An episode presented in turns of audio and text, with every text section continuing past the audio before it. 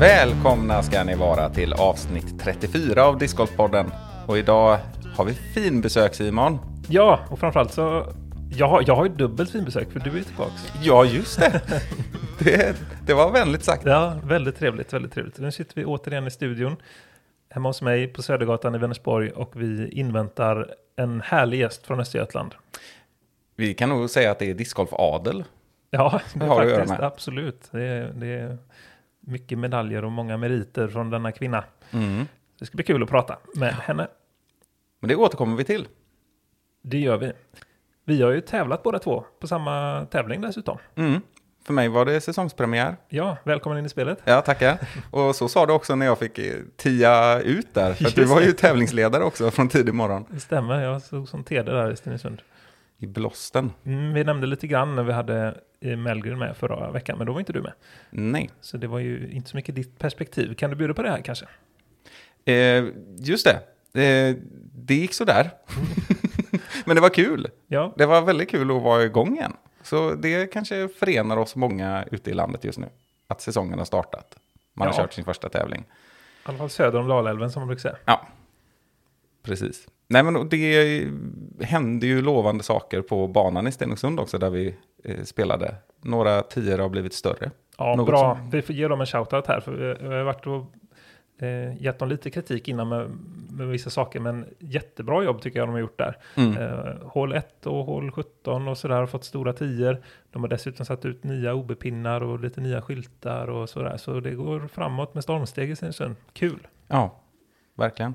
Nej, och jag kunde inte skylla på banan och jag kunde inte skylla på vinden när det gick dåligt heller. Att, eh, Nej, men det du var- kan skylla på att det var första tävlingen på sex månader. Ja, exakt. Och Johannes Högberg hade ju också en visdom, det här med att man, man förväntar sig ju väldigt lätt att eh, spela bättre än vad man kanske har tränat till och med. Mm, mm.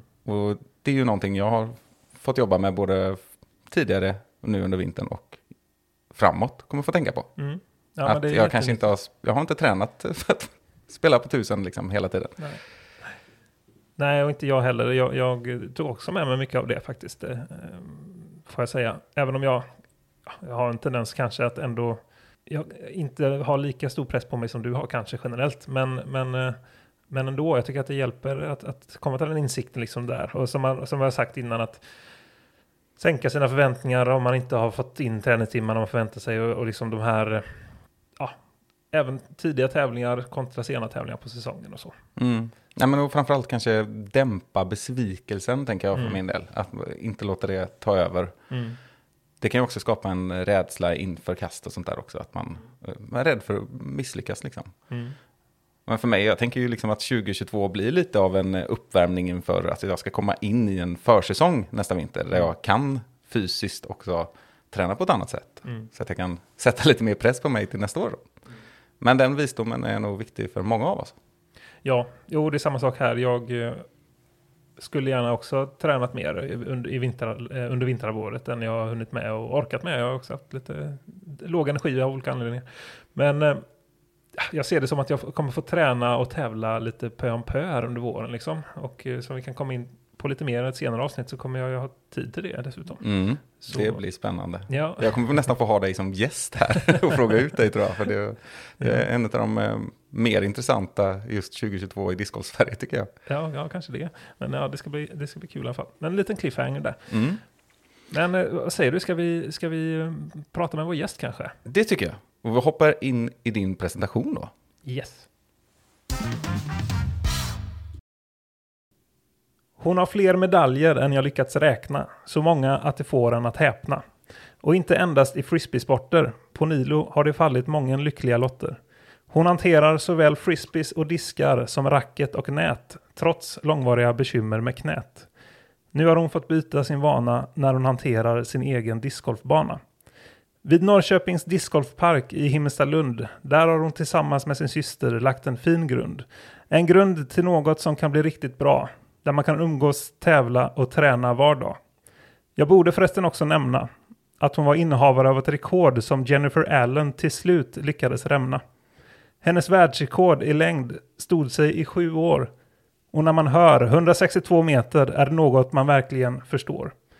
Vi välkomnar nu den gladlynta multitalangen från Östergötland, Nilovar Mosavar Rahmani. Hej, hej. Tack. Kände du igen dig i presentationen? Eh, ja, det gjorde jag. Men det var väldigt fin. Så här bra har ingen, ingen tidigare presenterat mig. Det var roligt att höra. Eh, Hur, hur är det med knät, måste jag ju först fråga, jag som inte är införstådd med detta. Eh, ska vi se, 2016 drog jag av korsbandet då, på vänster. Eh, men jag var tillbaka efter nio månader. Så jag började ju faktiskt spela eh, igen. Eh, kom upp i ganska hög nivå, både i badminton och frisbeekastningen. Eh, men sen började jag få problem med menisken på mitt höger knä. Där stökar jag fortfarande lite fram och tillbaka. Då. Eh, de vet inte varför. Det, det jobbigaste bland annat är svullnar upp. eh, eh, Då är det... Ja, de vet inte. Men jag får fortsätta rehabba. Det är klart, det hindrar mig lite grann för jag vågar ju inte säga och kasta lika hårt som jag tidigare eller spela badminton som jag tidigare. Men jag är glad att jag kan röra på mig fortfarande. Är det badminton eller discgolf som är boven när det gäller knät? Jag tror det är en kombination av båda två. Eh, mycket rotation runt högra. Jag tror höger knät är mest, skulle jag säga, frisbee. Men vänstra knät var badminton. Ja, okej. Jag tycker ju annars att eh, badminton och innebandy är ju sådana här sporter som pekas ut som riktiga förstörare av delar av kroppen. Knä, precis. Ja, absolut. Vi säger att det är badmintonens fel i det här sammanhanget. Ja, nej, men det, båda sporterna såklart kan ju påverka, så är det ju. Men, eh, nej, men det är ju, hoppas att det blir bättre och bättre det där. Är helt klart. Mm. Ja, men det, det känns känslan att det går framåt. Eh, jag vågar mer och mer. Och, ja. Så jag känner att jag, jag håller i min rehab. Nu har jag slarvat lite med rehabben under covid. Då. Men eh, om jag kan hålla i den så känner jag att då, då är det nog inte lika, eh, lika farligt längre. Utan jag vågar mer och mer. Och det är också att jag typ, kom tillbaka till rehab när jag vågar ta mig till gym. Mm. så det börjar kännas bättre. Ja, men skönt. Eh, Jag försökte nysta lite i alla dina medaljer och sådär, men det, det, det är så extremt många så jag, jag har liksom inte riktigt landat i någonting där. Men jag, jag, om jag säger att du har 12 till 15 VM-guld i allround, eh, kan det stämma? Eh, ja, jag skulle kanske över 20 medaljer eller mer totalt då. Sen är det ja, kanske hälften, mer än hälften av dem är guld. Mm. Stämmer. Och så sen eh, 50-60 SM-guld eller något sånt där också va?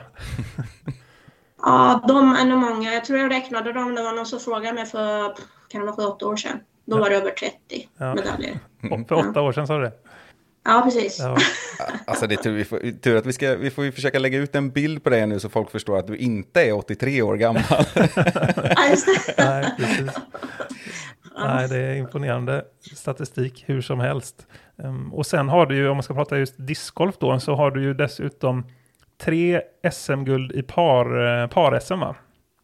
Ja, det är precis senaste åren så har jag ju SM-guld eh, i discgolf sedan tidigare också. Mm. Eh, i- individuellt. Eh, Så det, det finns några. Just det. Eh, Till och med SM-silver i lång. Eh, Där jag spelar med grabbarna nere i Malmö. Ja, det är ju lite kul ja. Ja, Men de här par-SM-gulden, då har du tillsammans med Ragnar Bygde ett år och Linda Emanuelsson två år va? stämmer. stämmer. Och eh, som du säger, förhållandevis nyligen, 2012, 2016 och 2018. Mm. Så det är ju, det är ju kul att se. Eh, men någonting som jag vill falla tillbaka lite på som är väldigt intressant är ju det här med ditt eh, längdrekord också. På 162 meter. Vad, under vilka förutsättningar var det här? Var någonstans och vad var det för disk? Och jag är jättenyfiken. Mm, mm, ja, eh, ska vi se. jag slog ju världsrekord två gånger då. Eh, för att bara, eh, första gången var ju 2009, SM-veckan i Malmö. Ja, Eh, som jag kastade. Då var, jag, då var första gången jag kastade över 150 meter. Eh, tidigare var eh, Valerie Jenkins som hade det på 149 och så slog jag med 153 då. Och sen kom jag tillbaka året efter, eh, 20, 2010, eh, återigen i Malmö då. Och så blev det, slog jag världsrekordet en gång till då, 162 meter var det då. Och eh, det är ju bara ja, lite udda fältet vid, precis vid, vid havet där.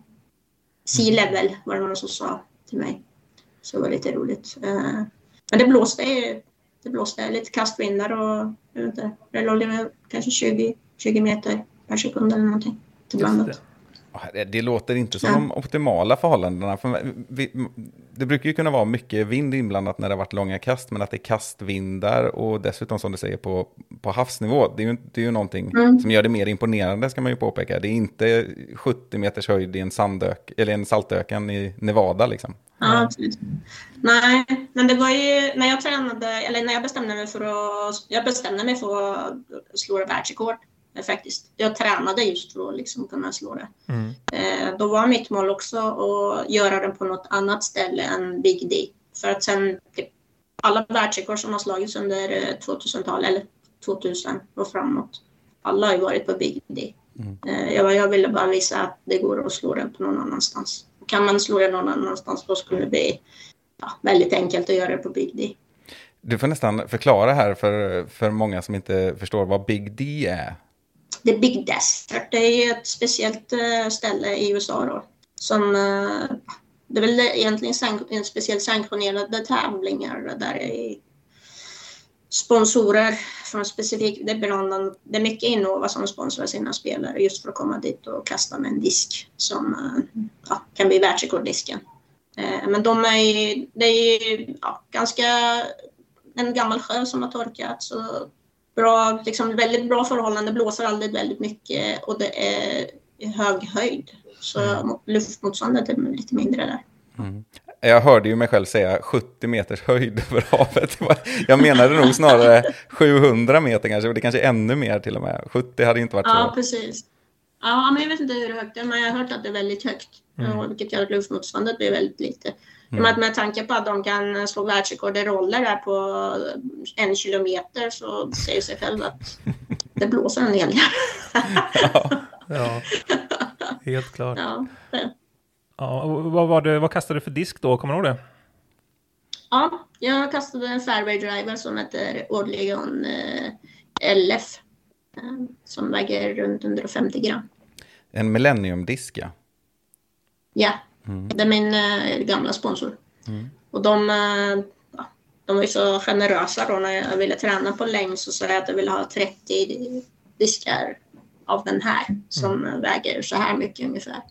Så skickar de ett gäng Mm. eh, som jag kunde liksom. Jag har en min längdväg som är typ 60 diskar eller vad säger jag, och 30 diskar i som jag åker upp till Him- Himmelstalund här ställer mig på fotbollsplanen och tränar Mm. Med samma disk och samma, samma vikt. Det är jätteviktigt just att ha diskar som flyger exakt likadana, annars är det jättesvårt att liksom träna upp den. Jag brukar förklara för andra att, eh, att man behöver många av samma. Det är lite som för en golfare att ha en hink med bollar liksom, på dri- driving rangen. Precis. Ja, men det är också, man kastar ju när man kastar längd så är det lite speciellt. Man kastar ju väldigt högt och försöker liksom göra en så stor båge som möjligt i liksom en anheiser i, i, i liksom ganska, ganska högt upp. Och så vill man att vinden ska bära disken. Och lättare diskar är ju, ja, kan man få vinden under då flyger de lite längre. Och det är också, ju högre upp du kommer, mer vill ju disken svänga till vänster. Och då är det bättre att ha en lättare disk om man vill komma upp och, och hålla vinkeln. Just det, så är man, är man högerhänt eh, så vill man egentligen ha en medvind från, snett från vänster va? Om man vill lägga upp en stor Anheuser. Ja, precis. Många gillar ju att springa precis rakt med vinden, men jag kommer gärna lite mer från höger då. Eh, För jag gör mina bågar lite, lite större bögar. Jag kastar inte precis rakt mot vinden, utan jag går gärna upp lite. För jag har inte den snabba armen som många långkast, eh, distanskastare har. Utan jag kastar ju mer med en teknik och mycket sprint. Och precis som du säger, det, när, man, när man tävlar i längd så är det ju dels en helt annan teknik man använder och sådär. Och, och ja, man låter disken flyga på ett annat sätt och så också i luften. Men eh, nog, visst har du haft ganska mycket nytta av det som, som på discgolfbanan också? Att en styrka i ditt spel har varit längden? Eh, ja, absolut. Eh, jag kastar inte lika långt på golfbanan som jag, jag kastar längd. Jag kanske när jag, mina längsta kast då när jag kastade som mest kanske var strax över 100, 110 kanske där, däremellan. Men eh, det är klart, var det öppna hål då körde jag 360 grader. Så 360 mm. som vi kallar det, eh, för att kasta. Och då, jag menar på långa hål som var mer öppna, där kunde jag ju direkt få 20 meter längre mm. första kastet än de andra. För då för jag hade ju också tränat på att jag skulle eh, kunna kasta eh, 360 även på golfbanor då. Mm. Att kunna kasta disken rakt. Eh, inte högt, utan mer med precision. Mm. Och det finns ju några sådana öppna hål på Nis Norrköping discgolfpark, eller hur? Jajamän. Ja. Ja, vi kan hoppa in där för att det är ju eh, en bana som jag, jag bodde i Norrköping innan och där känner vi varandra lite sedan tidigare. Um, så det, det, är kul att prata igen, det var ett tag sedan nu. Men jag flyttade ju från Norrköping ungefär i samma veva som, som den här banan startades upp kan man säga. Så det, det blir mm. väl på senvintern, våren 2020 som ni började jobba där som mest, uh, kan det stämma? Vi började nog 2019, det var 20, hösten 2019 när vi fick klartecken då, så att mm. vi kan börja jobba med banan. Så då började vi ju liksom plocka pinnar och ta ner grenar och röja upp lite mer och mer. Just. Men vi hade banan, 10 hål hade vi ju då eh, till våren, eller precis till våren. Det var ju målet att försöka få upp eh, så snabbt som möjligt 10 spelbara hål. Just det, precis. Nej, men det stämmer, eh, det stämmer när du säger det. Och, och, så jag hann ju testa den i ett tidigt skede och sen var jag i och för sig där en kort sväng i eh, förra säsongen var det nog. Men det har ändå hänt rätt mycket på, på två år blir det ungefär då. Um, mm. Och uh, sådär. Hur känner du, hur, hur har det här varit att arbeta med en bana så här från grunden och, och så tillsammans med din syster? Har det, har det varit eh, givande tycker du och roligt? Ja, absolut. Vi, vi gör ju allting själva. Det finns ju många frågor, får ni inte hjälp? Jag bara, nej, vi gör ju allting själva. så vi har lärt oss eh, allt. Ja, vi kunde inte snickra, vi har lärt oss att snickra. Mm. Så vi har byggt eh, T-pad och, och ja, idag håller på med trappan. Så vi bygger med första trappan idag är färdig. så imorgon kan ni använda den. Så det är, det byggs, vi har byggt jättemycket och lärt oss att hantera maskiner som jag trodde aldrig jag skulle våga komma i närheten. Bland annat mm. motorsåg och sådana saker. Fälla träd och hålla på. Ja. jag tänkte säga det, att det finns väl delar av discgolf-communityn i Norrköping som känner mer igen dig när du har en motorsåg i handen än en disk i handen. Ja, precis. det har blivit så. Ja, men det, ja, men det är roligt. Man, är, man har ju varit väldigt... Eh, men det är kul. Det är liksom en annan... Vi har ju hållit på med, med Folkparken under många år. Vi har ju liksom fram och tillbaka. Inför varje tävling har vi byggt om hålen och liksom trixat väldigt mycket. Men Folkparken, är ju, där har vi haft tur. För där är ju skötseln av själva banan görs ju av kommun så vi har aldrig behövt bry oss om de delarna utan vi har bara jobbat med, med layouten och sånt. Utkast och ja, korgar. Mm. Men att bygga någonting från scratch är lite tuffare. Det är, men det visste vi när vi gav oss in, in på det. Eh, visste vi att det skulle bli jättetufft, men vi gillar utmaningar. Det kändes att det här var en ny utmaning. Ja. och det också. Vi, vi vill ju ha en riktig tävlingsbana och då det enklaste är ju liksom sätta igång och göra det själv. Eh, det är alltid svårare när flera kockar involv, liksom inblandade. Det är, om man ska få med folk och inte med. Det går ju också åt mycket kraft. Mm. Mm. Jo, det är klart. Men det är, det är väldigt fint eh, område. Ja, precis. Vi tänker vi bygger och är det någon som vill hjälpa till så är de välkomna. Mm. Men annars, eh, vi tänker att ja, det, det, är kul. Vi, vi, tycker, vi tycker det är kul. Vi har ju varit där varje dag. Mm. det har vi. Även om det har varit snö eller regn så har vi varit där och liksom hållit på. Ja. Gjort någonting. Är det så att du kommer direkt därifrån nu? Ja, det gör jag. Det var ja. därför jag var sen. jag, bara, jag kom på mig själv att oj, nu måste jag... Jag släppte trappan och sprang. det hade du ju inte behövt säga i podden.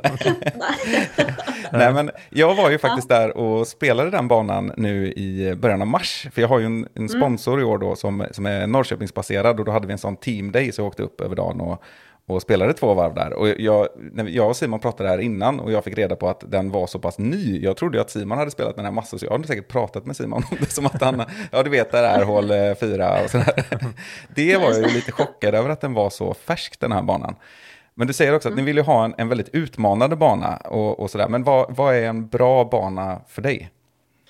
Eh, alltså vi, vi, eller jag har och ändå tävlat en hel del både nationellt och internationellt och jag känner mer vi spelare som har varit liksom på topp eller de bästa i Sverige. Där känner jag det har ju, det har ju saknats mycket. När man, när man kommer ut i de här banorna som är utomlands, alltså, de här traditionen att bygga banor är lite olika på olika ställen mm. eh, i världen. Så man märker ju i Sverige, vi gillar ju det ska vara lite mer fin runt omkring korgen och ska vara öppet och, och sådär så man inte har någonting i vägen. Men när kommer man ut i någon annan bana så finns det både buskar och träd överallt. Och då står man där och undrar hur man ska göra den här putten mitt i liksom zigzag mellan alla de här träden. Eller när man kommer till en bana där det är bara massa oben. Eh, där man bara inte kan hålla linjen. Eh. Utan har svårt att liksom fokusera på. Så vår tanke med, med bygga den här banan är att försöka få alla så mycket utmaningar som möjligt eh, mm. på den här. Så att man får chansen att liksom testa alla de här momenten så att man inte är helt eh, typ chockad när man kommer till en bana och tänker bara att här finns ingen lucka. Hur mm. tänkte de här? Men att alla andra kan kasta de hålen, det är bara jag som inte kan kasta de hålen. Ja. Det är också en liksom, moment eh, som man känner bara att eh, kan alla andra kasta, då borde jag kunna också kasta. Det finns jag tror. Det är bara att jag inte, jag ser inte den, eller jag är inte van att kasta de här vinklarna. Jag är inte tränat på det här. Men en, en sak som utmärkte den här banan eh, enligt mig är ju också att det är, det är många svåra par treor, alltså att göra börd på. Mycket eh, 130 meters kast sådär och man ska dessutom träffa någon lucka och så. Eh, och det, det märks ju att ni har tänkt på detta, att här ska man inte mm. liksom kunna halv, eh, halvkasta och så, och så gå iväg med hälften birdies liksom för att man träffar lite rätt i riktning. Ja, precis. Framförallt de här hålen som är, som är lite längre, som kanske ligger på 110-120 meter eller lite längre där. där. Att jag känner att vi, det är många grabbar som kommer till parken så att det är jättesvårt, även de här som kan kasta 110-120 då. Mm. Att det är svårt att göra birdies på 120 meters hålen. Och då säger jag, men eh, jag tänker att som tjej, för oss, det här är vardag. Det är alla hål är liksom svårt för oss. Mm. De här hålen är också svåra att få. Mm. Men jag, jag förstår att grabbarna, ni är vana att, att kunna komma fram på ett hål ganska enkelt om man kan kasta den 120-130 meter. Men här blir det, den här hålen är ju tänkt att det ska, det, det, är inte bara kunna kasta 120 meter utan du måste kunna kasta 120 meter i precision för att mm. kunna få din birdie.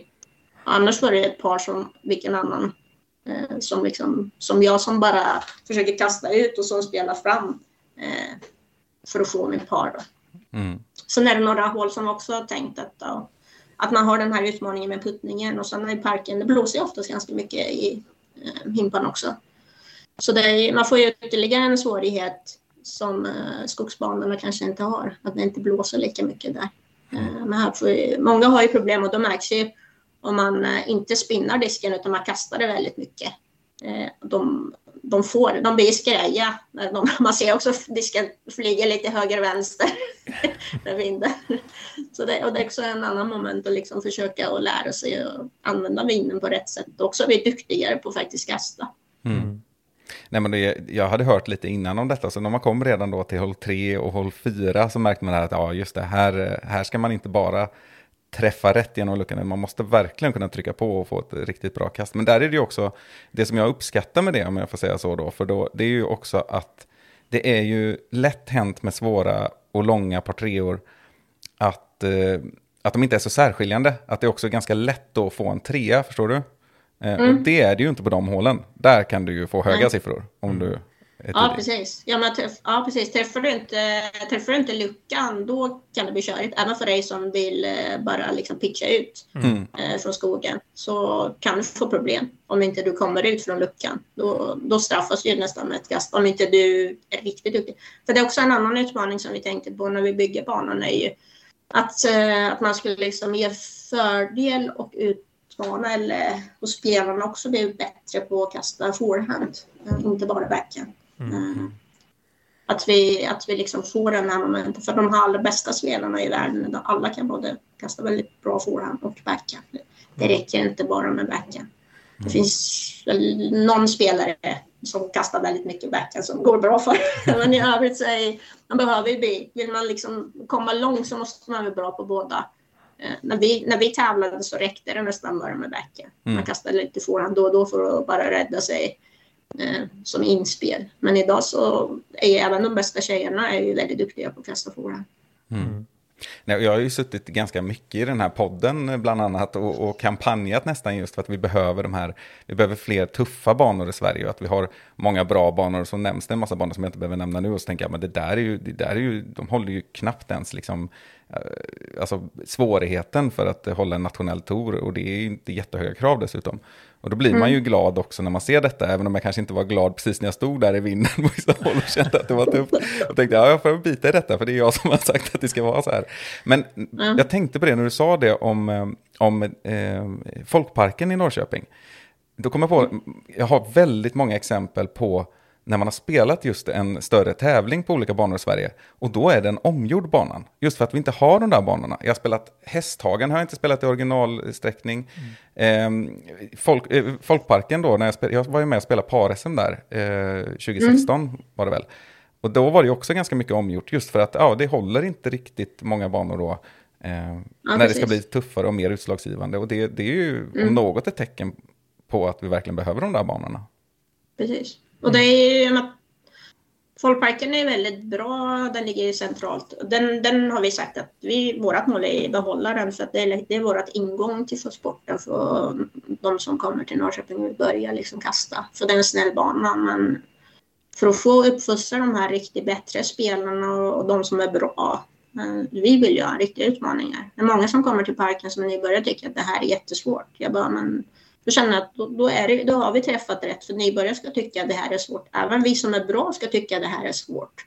För det är då vi utvecklas. För om det skulle vara lätt, eh, om man kan kasta bara och kasta en rak disk och, och, och tro att varje gång så kommer man liksom landa ändå liksom bra. Eh, då är det inte någon utmaning, men att man måste verkligen hålla vinkel. Det är då det blir utmaningar. Du kan kasta 100, ditt 100 meters kast i den här luckan. Eh, Det är då det är liksom, och du ska hålla vinkel. Du ska inte vara hög och du ska inte vara låg, utan du ska vara där du ska vara. Och det ska straffa sig också om man eh, kastar snett. Hur, hur, många, hur många birdies gör du på hål 18? det är inte så ofta det händer. Ja, nej, det har nog inte hänt, men eh, jag tror att mina bästa kast, det bästa jag har gjort där var faktiskt på tävling och då låg jag bara ändå 40 meter från. Det är en bit. Och det är en tuff putt. Ja. det är ingenting som man gör. Jag är glad jag bara kastar den. Den är, den är liksom eh, jätte, jättesvår. Jag har inte sett många som gjort birdie på det hållet. Nej, men det är ett fint Men eh, man ser ett och annat. Ja. Och där man, är- de flesta som ändå kastar fram har de ju problem med puttningen där. Mm. Ja, korgen står ju på en kulle ska vi säga. Ja. Precis, första halvan av hålet är ju, är ju skogshål kan man säga och sen så blir det öppet i slutet med en upphöjd korg. Eh, men Det är en väldigt fin avslutning. Eh, Och tuff avslutning. Jag ska bara flika in där bara för for the record som man säger att den här banan som du spelade på Folkparken, Mm. den har ju blivit, stora delar av den har ju blivit en permanent slinga också nu. Ja, okej. Eh, Så nu Ja. finns det ju en gul slinga i Folkparken som är den lättare och så finns det ju en röd som också är lite mer utmanande. Så det har faktiskt blivit en del permanenta, lite svårare slingor Mm. än det varit historiskt. Mm. Eh, Ska bara nämna det så att inte någon hör av sig och är sur för att vi inte sa det. Ja, men ni får gärna höra av er ändå. Ja, får ni precis. Eh, absolut.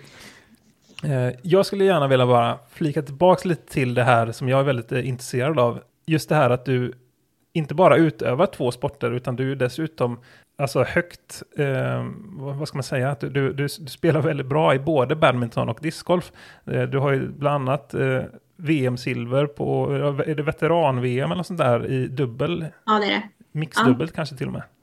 Mm. Eh, och så sen eh, så har du ju SM-guld i badminton också va, i singel.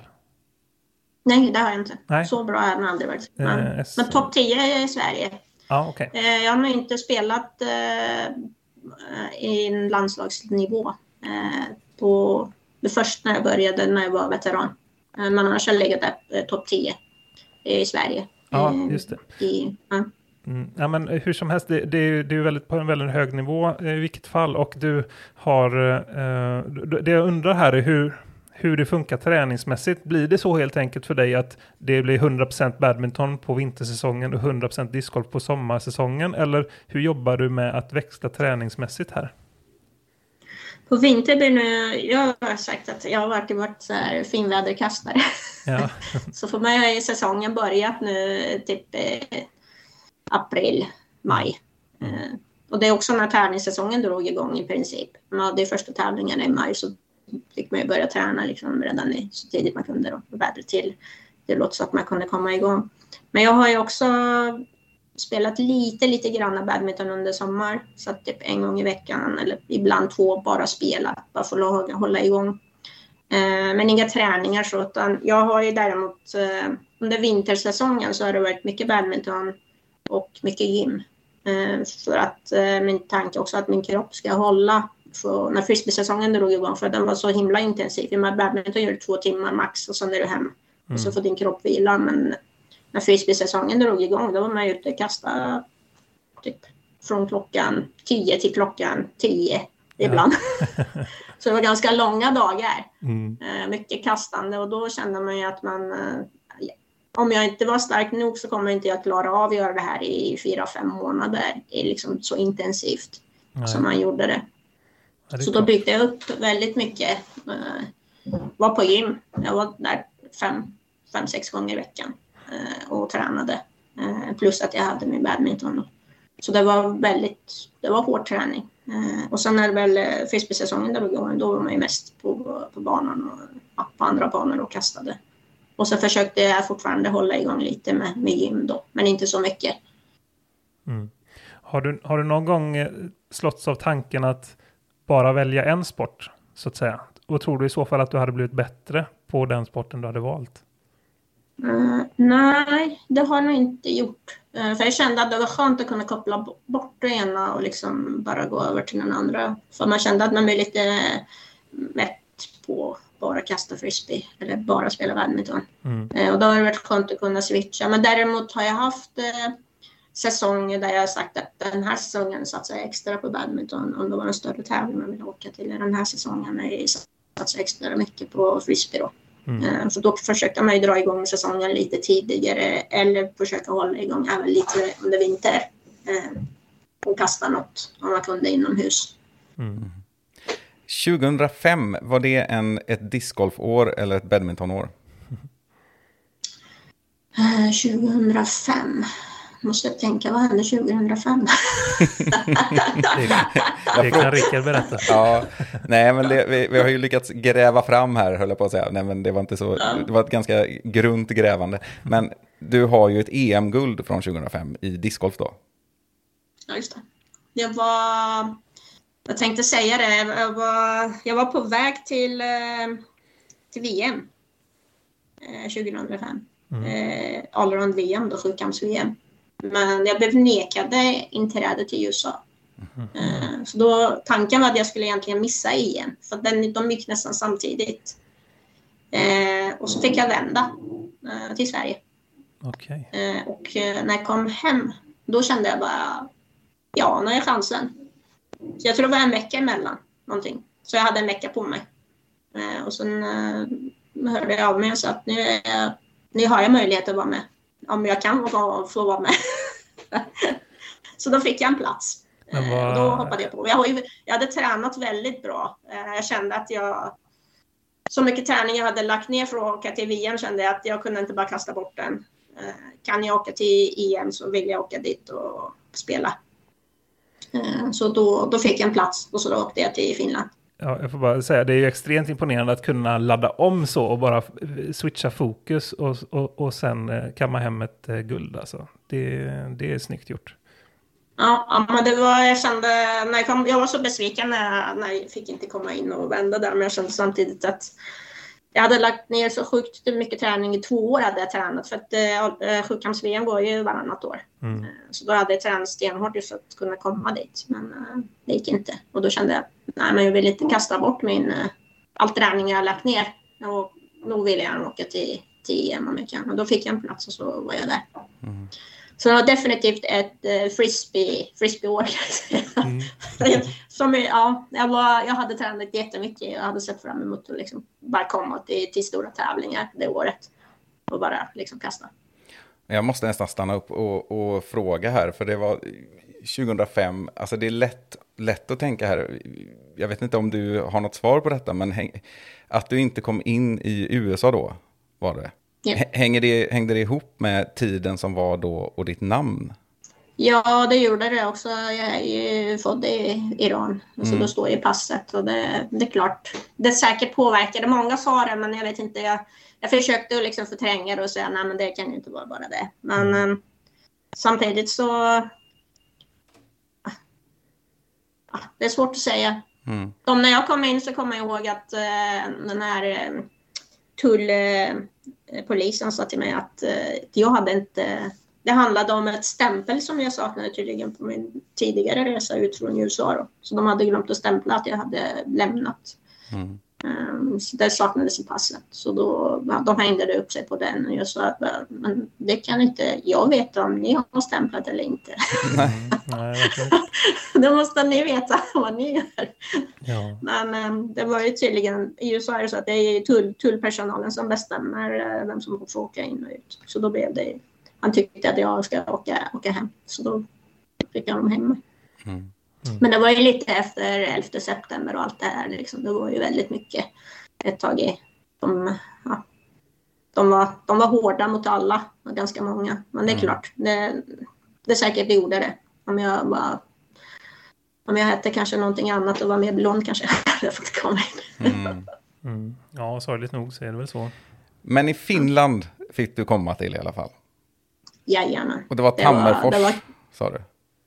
Ja, så det, det var jätte, jättekul att komma dit. Jag kastade så bra. Jag kommer ihåg hela tävlingen. Jag var så orädd. Jag bara spelade på. Mm. Eh, så det var jättekul. Om, eh, hur högt rankar du det om du, om du till exempel jämför med världsrekord i längd? Eh, det är nog ganska högt med tanke på att det är det enda EM-guld jag har vunnit i, i discgolf. Jag har varit med några gånger men jag har en del andra och tredjeplatser också. Mm. Men det var nog min eh, första, första guld. Så det var ju superkul. Uh, också bland annat att man kommer få komma iväg och spela någon annanstans. Och banan var ju så häftigt att spela på den banan. Uh, två, två olika banor spelade på. Så det var ju riktigt, riktigt kul. Mm. Du vann rätt, med rätt många kast va? Ja, det gjorde jag. Ja, men jag spelade ju, hela den tävlingen spelade jag så sjukt bra. Det mm. kommer jag ihåg. Jag kunde inte missa luckor jag kunde inte liksom, allt jag kastade landade precis där jag tänkte att det skulle landa. Ja, roligt. Man hittar den här zonen liksom. Ja. Det är precis så ja, precis. vi alla vill känna, men aldrig får känna. har, du, har du känt så fler gånger? För det känns ganska unikt. Ja, men en, eh, jag har känt nu en gång till. Vi arrangerade faktiskt tävling här hemma då i Norrköping. Mm. Det var också en, eh, en till tävling eh, i Folkparken. Eh, och då var det likadant. Det var helt magiskt. Eh, jag var ju, när vi arrangerade tävlingar här hemma så brukade jag vara både arrangör och spelare. Men jag tror jag var så trött så jag inte orkade egentligen tänka och därför allting så bra. jag bara gjorde det. Ja, jag kommer ihåg att jag stod där och puttade. Jag missade ju inga puttar. Jag tänkte varje gång jag skulle putta, jag tänkte, kommer jag missa den här eller? Och sen, nej det går in. jag kan inte missa. Det, lå det låter ju annars inte som en, som en vinnande taktik om du skulle fråga en mental coach. Så tänka, kommer jag missa den här nu? Eller du kanske tänkte innan nej. du släppte menar du att nej, det kommer jag ja, inte, den kommer gå i. nej, precis. ja. ja, det var lite så med tanke på att jag inte hade missat någonting i halvvägs. Man brukar alltid vara någonting sådär. Mm. Även om jag hade kastat kort, att jag låg 7-8 meter oftast ifrån korgen. Mm. Så satte jag allting. Så jag tänkte, sen när man kom och hade kastat en halvvägs och allting bara satt, och då tänkte jag bara, det kanske inte går att missa. så allt bara kom in bara, det var helt magiskt. Eh, så den, den rundan kommer jag också ihåg att jag gjorde faktiskt ett eh, ace på, på ett hål. Eh, och sen kom jag in då, jag tror jag hade gått minus tre på den rundan. Mm. Någonting. Så jag gick på i ledarebollen eller i andra gruppen. Mm. Alltså med grabbarna, med stora grabbarna, med Källström och Marcus och de andra. Ja. Så det var lite häftigt. Ja, ja det är coolt. Få vara de stora grabbarna i klassen. Ja. Det var ju under den tiden där eh, de eh, svenska herrarna var extremt duktiga också. Eh, Ja, det precis. börjar de i och för sig bli nu igen då, men det har ändå varit några år här där det har varit lite, lite lägre internationell standard faktiskt ju. Mm. Jo, men vi, där är någonstans däremellan så vi tappat väldigt mycket när både alla andra europeiska länder har gått om Sverige. Mm, ja, det kanske snarare är så. Ja. Finland och Norge har kommit ikapp. Mm. Ja, men Tyskland också. Jag tänker om man kollar så är det väldigt många ja, överallt. Det är ju Mm. Ja, är det är bara inte kolla bara på- Lesotho, nej. ja, Estland och de går ju också. De är nog bättre. Det är många länder som är väldigt många duktiga spelare så det är superkul. Och det är också det gör ju att man känner att jag tycker det är jätteroligt nu. Jag är själv jättesugen på att komma ut och tävla. Mycket discgolf.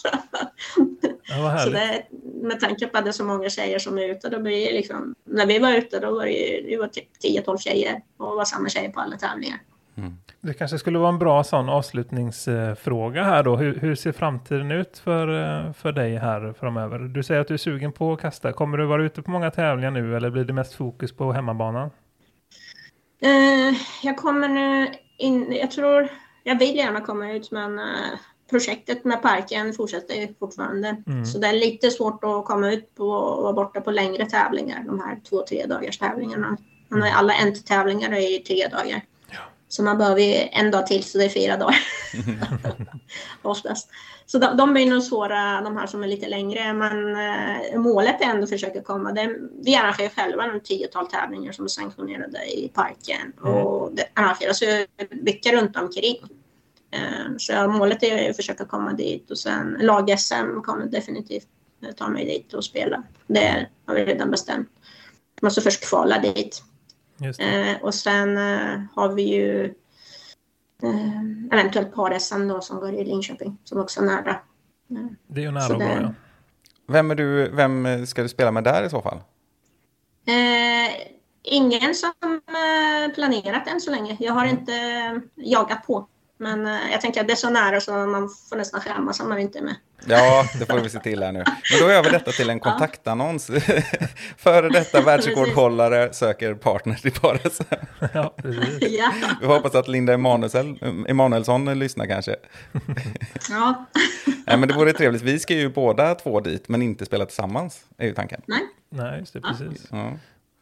Eh, Nej. Så det hoppas vi Har ni spelat tillsammans tidigare eller? Nej. Inte i ett sånt här tävlingssammanhang, men vi har spelat eh, parspel ihop på lite, ja, lite någon utmaning och lite sådana här saker, men eh, förvånansvärt lite faktiskt. Mm, verkligen. Vi har planerat in några gånger där det inte har gått eh, i lås dock, Ja. Okej. så vi får skärpa oss där. Ja, men det, det är nästan Simons hemmabana det där. Så han eh, borde ja. gå bra för dig. Exakt. Ja, Rudskogen har jag spelat många gånger, så är det. Ja. Jag, jag måste ju bara fråga också. Jag vet ju att du jobbar på SMHI, eller hur? Jajamän, Eh, det gör jag. Är, är, det, är det så att man eh, kan börja trakassera dig inför tävlingar nu? Ja, det kan du göra. men, du, men du är inte meteorolog va? Nej, jag är inte meteorolog, men ja, jag, jag jobbar på IT, IT-avdelningen och jobbar mycket med se till att allt verktyg som meteorologerna behöver finns på plats. Så att de kan äh, ja, förutse vädret så, så rätt som möjligt. Ja, Men, ja, det, är, Ja. det är nära nog för mig. Det var mycket närmare Ja. den korrekta informationen än vad jag har. precis. Men är det så att du själv har varit inne liksom och tittat någon gång ibland eller tagit hjälp av, av din position så att säga? Ja, men, jag. men eh, jag jobbar ju själv med, med radarteamet Mm. eh, bland annat väldigt nära. Eh, så där är det möjlighet att liksom kolla eh, direkt och, och se eh, om det är ja, det kommer bli regn eller inte. Mm. Nej, det är klart. Det, sen är, ser ja, SMHI är väl i och för sig relativt transparenta med informationen. Det är kanske inte så mycket inside sådär, men, men ändå mer, mer ögonblicksbilder kan man ju säkert få från och expertisen. Liksom. Ja, precis. Men eh, ja, vill man se ungefär hur det, det vädret rör. Men jag brukar ju säga till de flesta som frågar, jag bara titta på radarbilderna, de är bästa. För då kan man ju själv eh, dra lite slutsatser på eh, hur det blåser och hur snabbt det rör sig vädret mot den plats att man ska gå. Eller tänkt att tävla. Då kan man ju nästan gissa om det kommer bli regn eller inte. Ja, det är bra Så tips. det, det, det, är mycket, ja, det är bra tips. Det är mycket bättre än att bara titta blint på själva prognosen som säger att det kommer bli regn eller sol. Det brukar jag göra. Som ett fån. Det brukar gå så Men det finns ju på, S- ja, men på SMHI-appen eh, finns ju också, alltså man kan kolla på, på radar eh, bilder.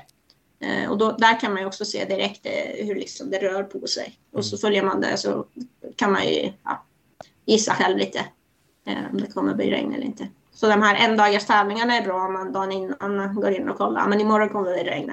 Jag kommer inte åka till den här tävlingen. Ja, det är bra. Ja. Härligt. Eller om eh, stora tävlingar, då vet man att man ska lasta på mycket strumpor och ja, regnkläder och allt annat som man behöver så man klarar sig. Perfekt. Skulle du vilja skicka med någon, eh, någon sista uppmaning eller hälsning eller någonting här i, i podden? Eh, ja, mm. nej, det tror jag inte. Jag tänker bara... Jag har väl lyssnat några på, på era podd några gånger. Eh, skulle välja att lyssna mer. Det är mycket, mycket roliga diskussioner och ja, personer som är med. Ja, kul att. Så säga att ni... Bra jobbat. Tack så mycket. Lycka till i fortsatt arbete. Ja, och detsamma får vi säga. ja, verkligen. Det känns som att det skulle kunna passa i, i lurarna där i kåporna när du kör motorsåg också. Ja, just det. Ja, men tiden verkligen rinner iväg i i parken när vi är där. Och det är typ, eh, man, man gör någonting och sen plötsligt... Ibland så säger vi till varandra att bara, nu måste vi gå och dricka. Det går tre, fyra timmar utan man ens känt att man behöver dricka eller äta. Så det är, det är lätt att man liksom jobbar på och så glömmer man bort att eh, man behöver äta och dricka ibland- emellan. Kan jag tänka mig. Ja, men jag ser fram emot att komma tillbaka till, eh, till eran park ute på Himpan där som det kallas. Eh, Det ska, Mm. bli, ska bli kul att hälsa på er igen framöver. Man är så välkomna. Och vi tar det som ett löfte att vi ses i Linköping där i början av juli nu också då. Ja, jag ska försöka hitta en uh, dubbelpartner först. Någon som vill spela med mig. Ja, det är gott Nilo. Kul att, kul att höra din röst så får du ta hand om dig och hälsa Goar, din syster, så gott också. det ska jag göra. Tack. Ha det gott. Hej då! Detsamma. Ha det bra. Hej då.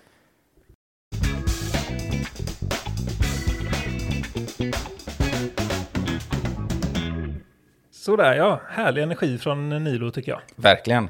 Och spännande att lyssna på någon som har varit med om mycket och gjort mycket bra. Ja, ja man blir inspirerad varje gång alltså. Det Mm. här och, den här omställningen från helt plötsligt från allround-VM till EM och ta guld, alltså det är imponerande alltså. Ja, verkligen. Och det känns ju alltid efter de här samtalen som att det går för fort. Och vi hade, liksom, vi hade kunnat ställa hur mycket fler frågor som helst.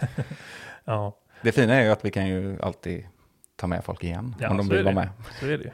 Och eh, återigen, det ska bli kul att återkoppla till parken där och se vad som händer Mm. eh, framöver. Då kan jag guida dig lite på hålen på din hemmabana, som man uttryckte det. Ja, lite så nästan. Ja. Nej, men eh, eh, tack så mycket igen Nilo. Vi, vi hörs mer framöver. Ehm, hur ser framtiden ut nu då för oss och Discgolfpodden, Rickard? Jo, vi har väl spännande veckor framöver som vi inte ska avslöja för mycket om. Men vi ska ut och resa, du och jag. Mm. Och vi ska träffa massa spännande folk. Mm. Vi ska spela massa roliga tävlingar. Mm. Och först ut är väl egentligen att vi ska till Lundbyparken där vi heller inte har varit. Nej, exakt. Det är ju mycket intressant bana som jag har hört mycket gott om. Vi nämnde den lite i senaste avsnittet när inte du var med där. Mm. Ehm, Erik har spelat där nämligen. Mm. Eh, så nej, men det, ska, det ser vi fram emot väldigt mycket. Och det ska bli väldigt kul att tävla igen ehm, tillsammans eh, med dig som en reso, eh, vad ska man säga, en resepryl liksom. Att man, man blir liksom, det blir som en, en liten semester. Ja, precis. Jag tänkte att du kallade mig för en resepryl. Som en accessoar eller något man har i en necessär. Nej då. Nej, men det ska bli Du spännande. tar mer på- plats än så, Ja, tyvärr. på flera sätt. Ja, exakt. Och mindre användbar. Ja, det vet jag inte.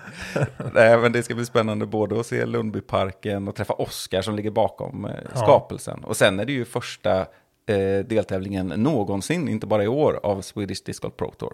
Just och det. det ser vi fram emot och se Mm. hur det här kan bli. Verkligen. Verkligen så. Men eh, vad säger du, ska vi runda av det här spektaklet? Det tycker jag. Då gör vi så och så tackar vi så mycket återigen ni som har lyssnat och ni som är med oss på det här discgolftåget som bara rusar fram genom hörlurarna på folk. Verkligen. Och ni som inte har lyssnat, gör det. ja, gör det. Och lyssna igen. Ja, gör det. Vi har haft, faktiskt haft några sådana, ja. Det, Ja, just det. det. är någon som har sagt till dig, va? Ja, att han har lyssnat på alla avsnitt två gånger och det är ju kul att höra. Ja, och jag träffade en väldigt trevlig herre som heter Conny Mm. eh, häromdagen ute på banan.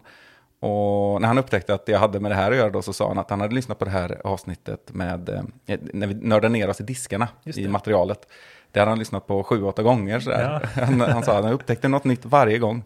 Det kan hända dig med. Ja, ta med er detta nu. Upptäck nya saker. Det är otroligt roligt att höra sånt här.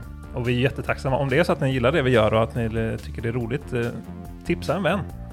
Det finns många discgolfare där ute som inte känner till oss. Så, Mm. så det är vi glada för om ni sprider ordet. Mm. Eh, Alla är välkomna in i poddvärmen här. Men nu är det slut för den här gången. Nu är det slut för idag. Ta hand om er där ute så hörs vi snart igen. Vi ses på en bana nära dig. Hej då. Hej då! See me driving after tea. Weather's looking good. Got a disc bag full of tricks. Yeah, I got them spinning. I'm listening to music you can't hear. I got my magic plastic in the air.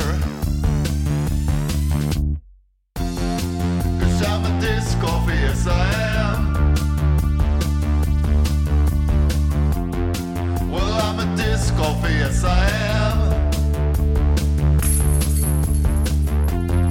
Cause I'm a disc golfer, yes I am. Well, I'm a disc golfer, yes I am.